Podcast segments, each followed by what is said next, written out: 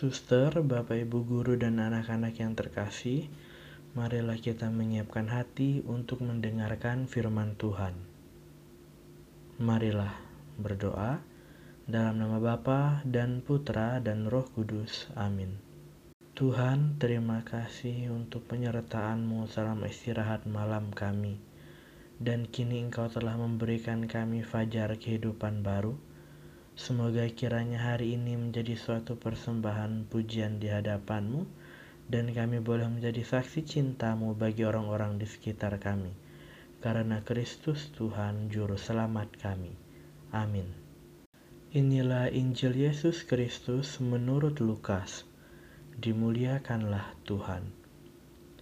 Sekali peristiwa, tatkala duduk makan di rumah seorang Farisi, Yesus berkata, Celakalah kalian, sebab kalian membangun makam bagi para nabi, padahal nenek moyangmu lah yang telah membunuh mereka. Dengan demikian, kalian mengakui bahwa kalian membenarkan perbuatan nenek moyangmu, sebab mereka telah membunuh nabi-nabi itu, dan kalian membangun makamnya.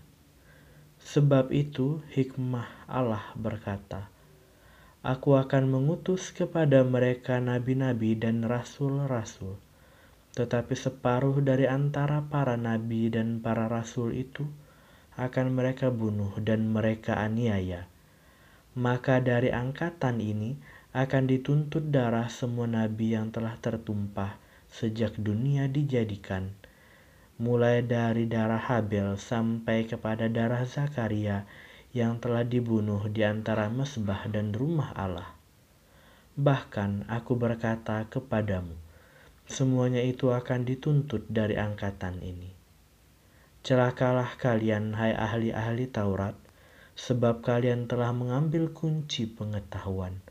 Kalian sendiri tidak masuk ke dalamnya, tetapi orang yang berusaha masuk, kalian halang-halangi dan setelah Yesus berangkat dari tempat itu, para, ahli Taurat dan orang Farisi terus-menerus mengintai dan membanjirinya dengan rupa-rupa soal. Dengan itu, mereka berusaha memancingnya supaya mereka dapat menangkapnya berdasarkan sesuatu yang diucapkannya. Demikianlah Injil Tuhan. Terpujilah Kristus. Suster, Bapak Ibu guru dan anak-anak yang terkasih, dalam Injil hari ini, Yesus ternyata menegur orang Farisi dan para ahli Taurat dengan begitu keras. Yesus menyadari bahwa ahli Taurat dan orang Farisi adalah orang yang paham betul pada hukum Taurat. Tetapi sayangnya, hal itu justru menyombongkan mereka Tindakan yang mereka lakukan tidak lagi demi Allah, tetapi demi ketenaran diri sendiri.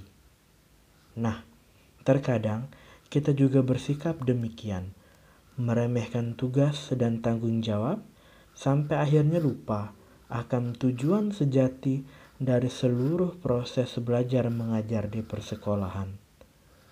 Kita sibuk berbenah materi tanpa memperdulikan kemampuan para murid.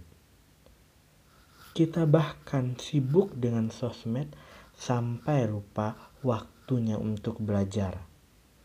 Nah, untuk itulah Yesus pada hari ini mengingatkan kita kembali untuk kembali pada spiritualitas hidup kita.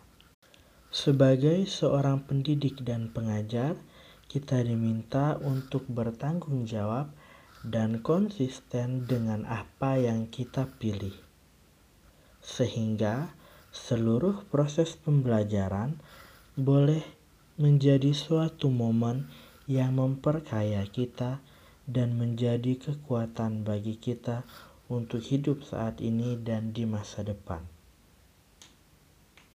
Marilah berdoa. Tuhan, Terima kasih untuk anugerah yang boleh kami terima, entah kami sebagai guru, entah kami sebagai murid. Apa pun perjalanan hidup kami, Engkaulah yang membawa kami sampai pada saat ini. dan kami percaya Engkau yang telah memulainya pasti akan menyelesaikannya juga dalam diri kami. Semoga kiranya lewat pembelajaran ini, hidup kami sungguh berkenan di hatimu dan boleh berguna bagi sebanyak mungkin orang. Demi Kristus Tuhan dan pengantara kami. Amin. Dalam nama Bapa dan Putra dan Roh Kudus. Amin.